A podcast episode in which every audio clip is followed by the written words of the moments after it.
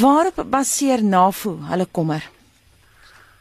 Anita, daar's twee kante. Die een is natuurlik dat die Russe hulle spiere bult uh en met baie sterk militêre opbou en van dit is naby die oosgrens van NAVO. Uh dan is daar 'n tweede been en dit is natuurlik die beweging van Russiese vlootmagte wat veral in die oostelike Middellandse See konsentreer en uh daarvoor dan operasies loods lugoperasies spesifiek om die regering van uh, Sirië te ondersteun teen die op teen die magte die hele mengsel van uh magte waarteen hulle moet optree wat gesentreer is weer rondom die islamitiese staat en dan 'n hele reeks van ander oppositiegroepe wat militêre elemente bevat. Dink jy as dit nie vir Sirië was nie, sou die Russe nog so groot teenwoordigheid daar gehad het? Ek is nie so seker daarvan nie, maar wat hulle doen is is ja, dat hulle vlootmagte beweeg en skuif.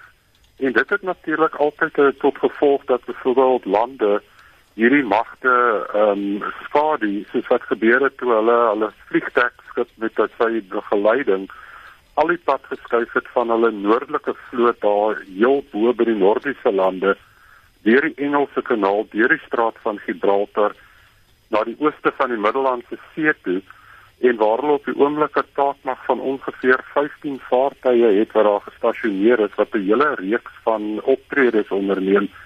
Uh primêr gemik natuurlik op die uh, Syriese ondersteuning, maar daarmee saam natuurlik ook die Krimskiereiland wat hulle ehm um, teruggeneem het tydens die konflik met die Oekraïne en dat dit natuurlik vir hulle dit nou baie makliker maak om daai vaartuie heen en weer deur die Bosporus te skuif waar hulle byvoorbeeld uh, al die pad bo van jou noordiese streke af die noordelike vloot moet skuif.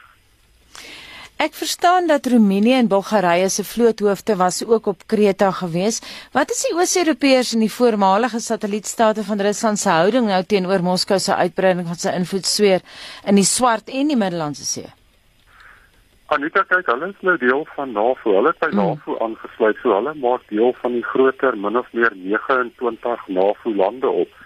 NAVO is 'n verdragsorganisasie wat op kollektiewe verdediging gebaseer is en dit beteken dat jy maak jou bronne beskikbaar wanneer jy versoek word uh wanneer daar hierdie tipe van optrede is van 'n potensiële opponent.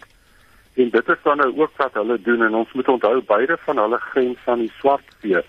Dit beteken dat NAVO het nou skielik 'n vasstrapplek. Ek wil net wel amper sê 'n groter maritieme bewustheid wat hy kan bou waar hy voorheen byvoorbeeld net op Turkye moes staat maak. En die verhouding met Turkye is nie elke dag uh van die beste nie. Maar nou behalwe vir NAVO, die Russe en die EU, is daar ook skepe van nie-regeringshulporganisasies wat almal dieselfde waters patrolleer. Is daar spesifieke sones Fransjo wat geallokeer word aan spesifieke belangegroepe? Hoe werk dit?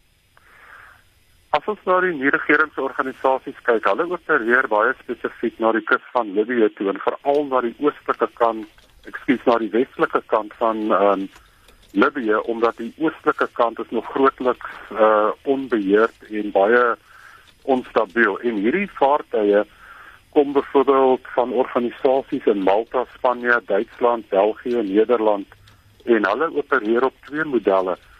Uh, hulle behoort aan hierdie nie-regeringsorganisasies, Doctors Without Borders of uh, Dokters Sonder Grense byvoorbeeld en hulle werk op 'n model eerstens waar hulle self redelike groter vaartuie het wat naby die Libiese kus uh help om uh, migrante en vlugtelinge op te tel wat dryf. En dan het hulle 'n tweede model met kleiner vaartuie wat mense help wat hulle op see kry en hulle tipe van uh beskerm en help totdat groter vaartuie opdaag om hulle aan boord te neem. En hierdie groter vaartuie dra weer hulle oor aan uh, vlootvaartuie of hulle neem hulle na Italiaanse hawens toe. En wat NAVO aanbetref is dat NAVO het 'n baie spesifieke rol wat hy nou in die Middellandse See vervul en een van hulle is om te help om die Libiese kuswag te help om 'n vermoë op te bou om self hulle waters te patrolleer deur 'n hele reeks van aksies van tot van om vaartuie te verskaf tot om opleiding en bemanning te skaf uh, ensovoorts want dit gaan nou weer die druk verlig op die op die Europese Unie en op NAVO om die heeltyd daar op te tree. En ons moet onthou dat vlootbronne, vlootvaartuie is geweldige duur uh, vaartuie en uh, jy kan hulle nie onbeperk in hierdie sagte rol aanwend nie. Dit is dit is amper nie moontlik om hulle die heeltyd op stasie te hou en hier op water om hierdie sagte rolle te speel nie. Baie dankie dit aan die mening van professor François Vrey van die fakulteit Kragskunde aan die Universiteit Stellenbosch.